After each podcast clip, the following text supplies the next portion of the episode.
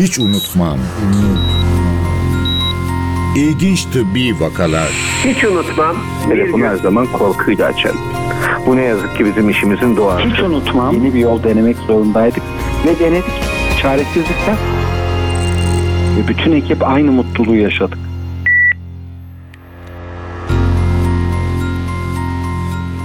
Merhaba, ben Melike Şahin. Başımıza gelen her kötü olay ya da yaşadığımız her mucizevi an bizim için özel ve unutulmazdır. Hele ki sağlık söz konusu olduğunda. Ama bazı hikayeler var ki çok nadir rastlanıyor, sadece yaşayanın değil, tanık olan herkesin hayatında iz bırakıyor. Öyle ki her gün onlarca vaka gören doktorlar bile unutmuyor. Her hafta doktorların bile unutamadığı o hikayeleri sizlerle buluşturuyoruz. Hiç unutmam başlıyor.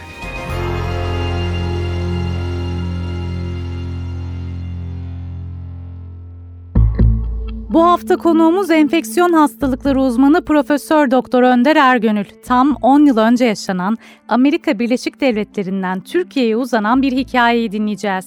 Hasta balayı için Türkiye'ye gelmiş bir kadın göğüs ağrısı ve yüksek ateşle acil servise başvuruyor. Teşhis koymak kolay olmuyor. Hikayenin ilginçliğine dair ipucu vermek için olağan şüphelinin bir papağan olduğunu söylemeden edemeyeceğim. Hadi gelin bu ilginç hikayeyi kahramanından dinleyelim. Sayın Önder Ergönül programımıza hoş geldiniz. Teşekkürler, hoş bulduk. Önce bize biraz vaka hakkında bilgi verir misiniz? Kaç yaşındaydı? Size nasıl ulaştı? Geldiğinde Evet. ne durumdaydı? Acil servisimize gecenin ikisinde genç bir hanım geliyor. Amerikalı yalnız bu kişi. Ve özelliği şu, balayı tatil için İstanbul'a geliyorlar. New York'ta yaşıyorlar. New York'ta üniversitede psikolog olarak çalışıyor. Eşi de kendisinden 2 yaş büyük. Kendisi 22 yaşında, eşi 24 yaşında. Yeni evlenmişler. 15 gün önce New York'ta evlenmişler. Sonra Bulgaristan üzerinden de otobüste İstanbul'a geliyorlar. Gezerek geliyorlar. Fakat geldiğinde bu kişi yüksek ateşi var ve kasılma şikayetleri var. Özellikle karında kasılma şikayetleri var. Diz ağrısı olduğunu söylüyor, halsizliğinin ol- olduğunu söylüyor. Ve bu nedenle gecenin ikisinden itibaren birçok bölüm görüyor aslında. Fakat tam da bir şey söyleyemiyorlar. Yani dizinde şişlik vesaire olduğu için ortopedi bölümü görüyor, nöroloji bölümü görüyor. Nihayetinde de öğlen vakti beni çağırıyorlar. Peki siz hastanın semptomlarına baktığınızda ilk şüpheniz ne oldu? Ben ilk zaman, ilk gördüğüm zaman çok temel özellikleri ortadan kaldırdıktan sonra hastanın yüksek ateşle birlikte kasılması ve karından kasılması çok dikkatimi çekti. Tetanosun mutlaka ekarte edilmesi gerekir dedim. Herkes orada şaşırdı diğer meslektaşlar. Nasıl yani? Çünkü Amerika'dan geliyor, aşıları tamamdır, gayet gelişmiş bir ülkeden geliyor. Tetanus çok sık gördüğümüz bir hastalık değil. Türkiye'de bile çok çok az görüyoruz. Hele hele İstanbul'un göbeğinde nasıl yani şeklinde bir tepkiyle karşılaştık. Peki nasıl ekarte ediliyor tetanoz? Bunun bir testi var mı? Antikor mu ölçtünüz? Nasıl baktınız? Evet, güç tarafı da bu tanısında. Aslında diğer hastalıklarda yaptığımız gibi bir çırpıda bir testi yok. Özel bir testi yok bunun. Sadece birçok tanıyı dışladıktan sonra belki ulaşılabiliyor. Antitoksin düzeyi bakılabiliyor da hemen değil. Yani rutinde hiçbir laboratuvar yapmıyor. Daha sonra baktık gerçi ama 15 gün sonra filan gelen bir sonuç. Tamamen başka tanıların dışlanmasıyla ve çok da tipik olmayan bu vakanın tetanozu düşünerek ilerlenmesiyle belirlendi. Ama şu vardı tabii, bu hastamız sürekli kasılıyordu, kasılması devam ediyordu. Ya nevrotik bir şey, yani psikolojik nedenle kişinin bunu yaptığı ileri sürülebilirdi ki bunu düşünen meslektaşlarım da oldu. Fakat bizim benim ısrarım üzerine yoğun bakımımıza yatırdık bu hastayı. Peki normalde bu belirtiler tetanozun tipik belirtileri midir? Tetanoz aslında daha sert kasılmalarla daha ağır tabloda ortaya çıkar. Birçok meslektaşım onu düşündüğü için bunu bu hastada tetanozu pek düşünmediler. Kimse düşünmedi benim dışında daha doğrusu. Tipik değildi. Tetanozun illaki çok tipik o kitaplarda gördüğümüz böyle gerilmiş tetik denilen adeta çok gergin kasların gerilmesiyle oluşmuş olan tablosu her zaman olmayabilir. Hatta alaycı yüz denilen bir görüntü vardır. O bile her zaman olmayabilir. Bu hasta o anlamda farklıydı. Fakat sürekli kasılmakta, ateşi yüksekti. Tetanosun üzerinde ciddiyetle durmamız gerektiğini ben ifade ettim. Ve yoğun bakıma o şekilde yatırdık. Peki hastaya sordunuz mu aşısı var mıydı? Ya da tetanos Evet, için muhtemelen bir öyküsünün de olması gerekiyor değil mi? Çizik, yaralanma gibi öyle bir durum var Tabii. mıydı? Tabii ki. Biz hastaya sorduğumuzda ilk önce bir yaralanma aklına gelmedi. Hiçbir şey söylemedi. Ve New York'tan geldiğine göre aslında aşısı da tamamdır diye düşündük. Ve New York'taki aile hekimini aradık. Zaten kocası da daha yeni evli, evli eşi oldukça bizimle kooperasyon içerisindeydi. Hemen New York'taki aile hekimine ulaşıldı ve 6 yıl önce aşı yaptırdığı söylendi. Bütün aşıları tamamdı. Son aşısını 6 yıl önce yaptırmıştı. Ben yine tetanos teşhisinde ısrarlı oldum. Devam ettim. Normalde ne kadardır tetanoz aşısının koruyuculuğu? Aslında 5 yıl yeterlidir. Bazen 10 yıl bile olabilir. Yani 5 yıl aralıklarla yapmak yeterli. Ve genç bir hasta beklenmedik bir durum. Risk gruplarından da değil. Yani risk grubu diyelim ki damar içi ilaç kullananlar, daha düşkün, başka ek hastalığı olan, bağışıklık sistemi bozulmuş kimselerde belki düşünülebilir ama bu kişinin öyle bir özelliği yoktu. Gayet sağlıklı, yeni evlenmiş, 22 yaşında New York'un göbeğinde psikologluk yapan bir hanımdı. Peki yoğun bakımda siz tetanos tedavisine mi başladınız? Evet, biz yoğun bakımda bildiğimiz yöntemlerle tetanos tedavisine başladık. Bir yandan da bu kasılmalar bir türlü kolay kontrol edilemez oldu. Kasılmalar özellikle tetanusta güneş ışığıyla stimulusta yani herhangi bir fiziksel stimulus yani gürültü olabilir, ışık olabilir, ses, ışıkla aktive olabiliyor. Bu tür aktivasyonlarla kasılma daha da artıyordu. Meslektaşlarım şaşırıyorlardı ve biz çok yüksek dozlarda sedasyon, sedasyon yapan ilaçlar verdik. Yani benzodiazepinler denilen diazem gibi çok ileri dozlarda bu ilaçlardan kullandık bu hastamıza. Buna rağmen indiremiyorduk, kasılmaları azaltamıyorduk. Çok uzun süre yoğun bakımda kaldı bu hastamız. Üstelik şikayetleri de aslında Türkiye'ye gelmeden önce başlamıştı değil mi? Evet yani ama çok belli belirsiz daha çok düğün hazırlıkları, düğün yorgunluğuna verilmiş. Çok halsiz kaldık, çok yorulduk. İşte düğün telaşesi falan gibi yani 15 gün önce evlenmişti. O düğün esnasının getirdiği yorgunluklara verilmiş. Oysa başlamış aslında şikayetleri. Türkiye'de bu hale gelmiş idi. Peki ne zaman emin oldunuz tetanoz olduğundan? Sonuç almaya başladığınızda mı tedaviden yoksa başka bir şey mi öğrendiniz? Tedavisi aslında söylediğim gibi bir immunglobulin verdik insan immunglobulin ama tedavi, tetanusun özel böyle spesifik bir tedavisi de yok. Yani şu antibiyotik, bu antibiyotik ya da şu ilaç diyeceğimiz bir ilaç da yok. Bu şüpheyi daha da artırdı. Diğer meslektaşlarımızı daha da kaygılandırdı ve birçok meslektaşımız inanmıyorlardı ve çok e, haklılardı o anlamda da haklılardı. Yani acaba biz boşa mı kürek çekiyoruz, acaba tetanus tanımız doğru değil mi diye düşünceler başladı. Ve eşi sürekli tetanus okuyordu yayınlardan.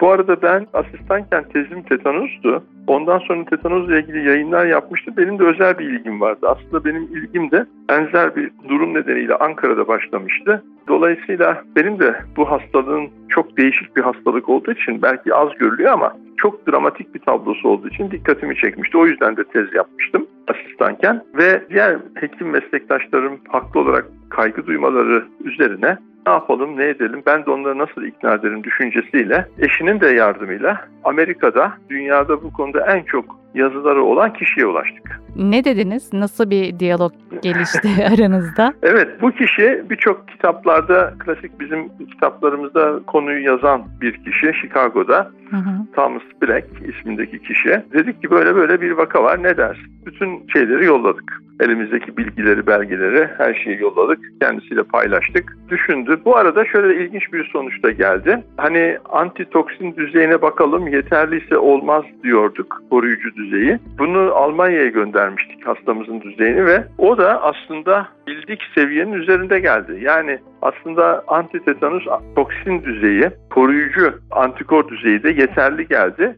Bu da benim diğer meslektaşlarımı Türkiye'de daha da kaygılandırmaya neden oldu. Ben de şaşırdım çünkü aa bu demek ki tetanusa karşı korunuyor. Acaba yanlış mı ısrar ediyorum diye düşünmeye başladım. Ama tam bu aşamada Amerikalı meslektaşımız Thomas Blake hayır bir dakika dedi. Durun bu belirlenen o eşik değer herkesin kabul ettiği, Dünya Sağlık Örgütü'nün kabul ettiği belirlenen eşik değer 1936 yılında laboratuvar hayvanlarında saptandı. Buna güvenemeyiz. Güven bunu tersine aleyhine çıkan bir takım başka vakalar oldu dedi. Hmm. Ve o zaman ha tamam o zaman dedik. O tetanos konusunda ısrarlı oldu diğer Amerikalı meslektaşım. O deneyimli kişi. Peki sizi emin olmaya iten şey ne oldu? Bizim için hikayeyi de daha enteresan kılan o detay. Bence şöyle detayları dinledikçe bir giriş yolu tanımlayamıyorduk zaten. Burada nasıl oldun? Hep bunu soruyordu arkadaşlarım da bana. Peki iyi de nasıl tetanos oldu? Konuştukça konuştukça sonra bu kişinin bir papağanı olduğunu öğrendik. Papağan çıkarmış. İşte New York'ta çok da merkezi bir yerde oturuyorlar. Central Park'a gider, tekrar geri gelirmiş. Yani toprakla teması var papağanın ucunun tahmin ettiğimiz ve papağan ısırmış bariz bir şekilde. Tam da bu kuluçka süresine denk düşen zaman içinde parmağını ısırmış. Bu bizim için önemli bir şeydi. Bu önemli bir bulgu elde ettik nihayetinde ama bunu haftalar sonra söyledi Hı hı. hastamız. Zaten kafası yerine geldiği ölçüde bizimle konuşmaya başladı. İki, çok yüksek düzeyde uyuşturucu, sedatize edici ilaç veriyorduk. Başka benzer bir hastalık yoktu. Hiçbir benzer bir hastalık yoktu ikincisi. Üçüncüsü gerçekten tetanusta olduğu gibi stimulusla yani fiziksel stimulus yani ses ve ışıkla çok rahatsız oluyordu. Tekrar başlıyordu kasılmalar. Tüm bunlar tetanus konusunda ısrar etti. Ayırıcı tanı dediğimiz bizim dışlayıcı başka hiçbir şeye benzemiyordu. Hepsini dışladık. Bütün olabilecek olasılıkları, gerekli bütün testleri yaparak dışlamış olduk. O yüzden ben ısrarla devam ettim. Amerikalı meslektaşımın da bunu kabul etmesi, bu konuda çok otör bir kişi, beni rahatlattı açıkçası. Peki bu duyulan bir şey miydi? Yani bize çok enteresan geliyor muhtemelen ama size de öyle miydi? Yani bir papağandan, evde beslenen bir papağandan tetanoz bulaşma ihtimali rastlanabilir bir şey midir? Daha önce duymuş Çok muydunuz? nadir. Çok çok nadir. O arada aslında bir takım Harvard'la işbirliği içerisindeydik. Hatta Harvard Tıp Fakültesi dekanı da uğramıştı. Bu çok nadir bir şey. İşte bunu yazmalısın filan diye beni teşvik ettiler o anlamda. Ben zaten tür vakaları, ilk vakaları yazmayı seven birisiyim. Lancet dergisinin, Lancet bizim için çok önemli bir Hı hı. dergi. Lancet Enfeksiyon Hastalık Dergisi editörü ile yazıştım. Aman yaz bize bu vakayı dedi. Fakat vakanın da tamamlanması gerekiyordu. Bu arada vaka biz iki ay yattı bizde. Toplam iki ay çok uzun Çok bir süre. uzun bir süre olmuş. Yattı, epeyce iyileşti. Yine ama zaman zaman kasılmaları oluyordu. Çünkü bir yandan da bu kızcağıza laf anlatamıyorduk. Tatil yapmak istiyordu habire. Yani ben balayı için geldim. Dolayısıyla tatil yapmalıyım diyordu. Ama bir dakika diyorduk falan. Sonuçta Avrupa'da belli ülkelere uğradılar. Nihayetinde Amerika'ya gitti. Orada yeniden başladı. Yani bize geldikten 3-4 ay sonra gene kasılmalar oldu. Kolombiya Üniversitesi'ne gitti. Oradaki doktorlar hayır bu tetanoz değil dediler. Chicago'daki ilk bu işin otorine sordular. O da Türkiye'de tetanoz denildi. Çok doğru bir tanı peşindeler. Onlara inanın diye onları ikna etti. Ama bu süreç neredeyse bir yıla yakın sürdü bu kasılmalar vesaire. Bir yıl sonra geçti. Ben o bir yıldan sonra ancak vakayı yazmaya karar verdim. Çünkü tablo bir netleşsin diye bekledim. Hı hı. Ee, Benim için çok ilginç bir vaka oldu ve Lancet dergisi de bunu gerçekten bu vakayı bizim Grand Round denilen yani büyük vizit başlığı altında yayınladı. Tarihsel bir vaka oldu bu şekilde. Siz- Dünya tarihine de geçmiş oldu aslında. Dünya tarihinde de nadirdir. Sorunuza yanıt olarak. Ezber çok bozan oldu. zor bir tanı olmuş. Biraz da aslında sizin şüphenizde inat etmeniz de bu tanıyı ve başarıyı, tedavideki başarıyı getirmiş herhalde değil mi? Valla evet öyle kabul etmek durumundayız öyle oldu.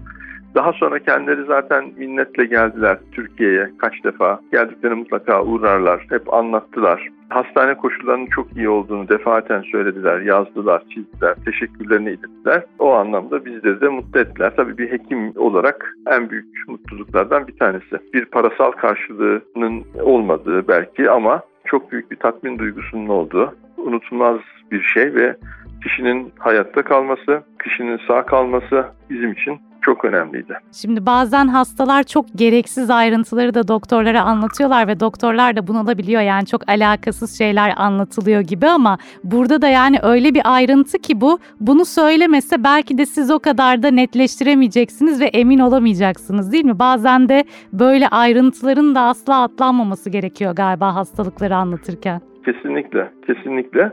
Ama işte o ayrıntıyı hasta kendisi bilemiyor. Evet. Ee, belli şüpheler üzerine karşılıklı iletişimin çok büyük önemi ve karşılıklı güven duygusu da çok önemli. Yani örneğin bu hasta için bu hanım bir takım kaprisler yapıyor kendi kendine yapıyor falan diyenler de oldu. Hı hı. Ola da bilirdi ama ona da çok fazla prim vermemek gerekiyor. Bu olabilir hekimlik hayatında ama burada ısrarla karşılıklı güven duygusuyla sağlıklı bir iletişim kurarak ve peşinden giderek hiç bıkmadan usanmadan ben bunun iki ay boyunca hastanede yattığı sürece stresinde taşıdım tabii. Sorumluluğunu ve stresini. Çıkmasaydı nasıl olacaktı? Yani sanki buna kafayı takmış ısrar eden bir tek kişi ve karşısında bütün hekim meslektaşları bu da az bir sorumluluk değildi. Bu da çok şey öğretti bana. Yani bana gerçekten çok çok şey öğretti. Ve haklı çıkmak da tabii bir güven getirdi doğal olarak. Onun da ayrı bir tatmin duygusu oldu. Ve nihayet Lancet dergisinde yayınlanması da hepsinin ötesinde bir şey oldu. Hatta geçen ay Lancet dergisinden beni tekrar aradılar. Tekrar bu konuyu irdelemek istiyoruz dünyada diye yeniden benim bir başka yazı yazmamı istediler. Bu da çok hoş bir şey. Asistanken ilgi duyup merak ettiğim bir hastalık üzerine yıllarca bunun devam etmesi, 30 sene sonra tekrar böyle bir şey olması e, çok hoş bir tatmin veriyor açıkçası. Hiç unutmam. İlginç tıbbi vakalar. Gerçekten şahane bir hikaye. Bundan yola çıkarak biraz tetanozdan da bahsedelim mi? Nasıl bir hastalıktır? Neden olur? Etkenleri nedir tetanozun? Evet, tetanoz şimdi spor yapan dediğimiz yani toprakta canlı olarak kalabilen bir bakteri. Çok uzun süre canlı kalabiliyor.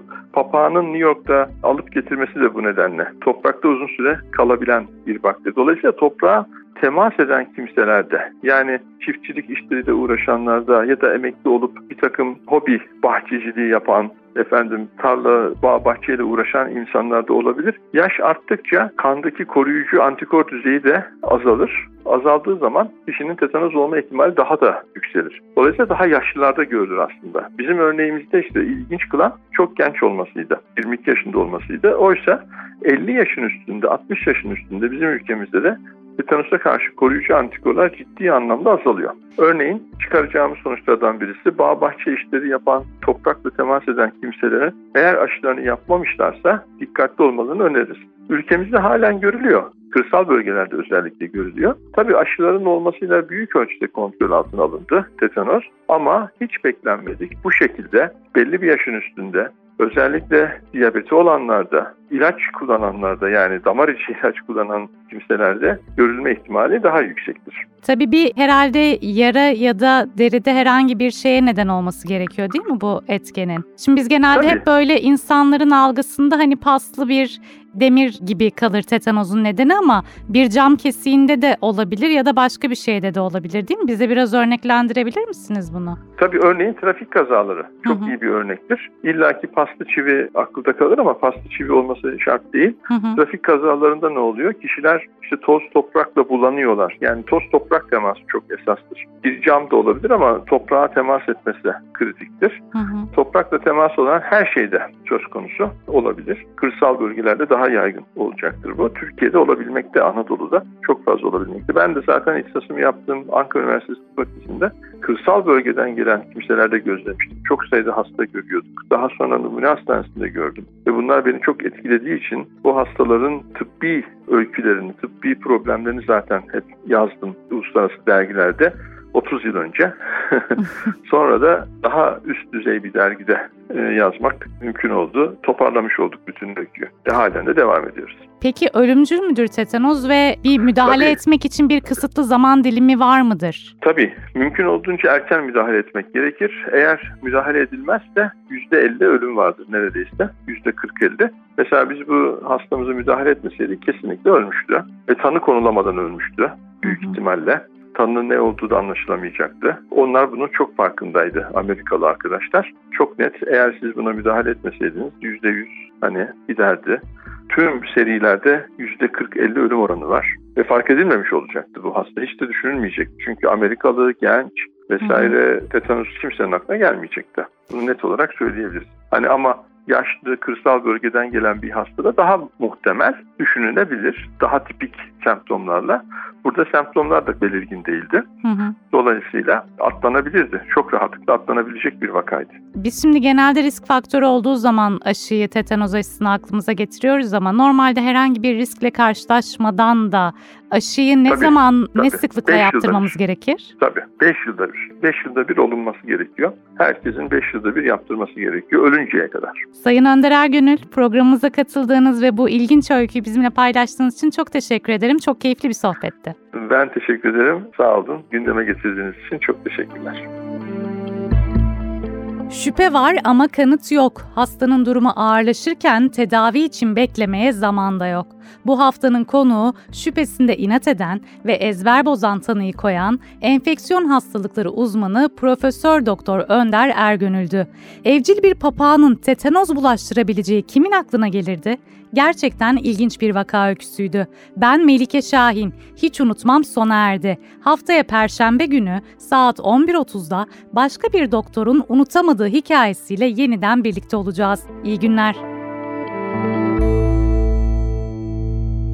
Programın tüm bölümlerini ntvradio.com.tr adresindeki podcast sayfamızdan dinleyebilirsiniz. Hiç unutmam. İlginç tıbbi vakalar.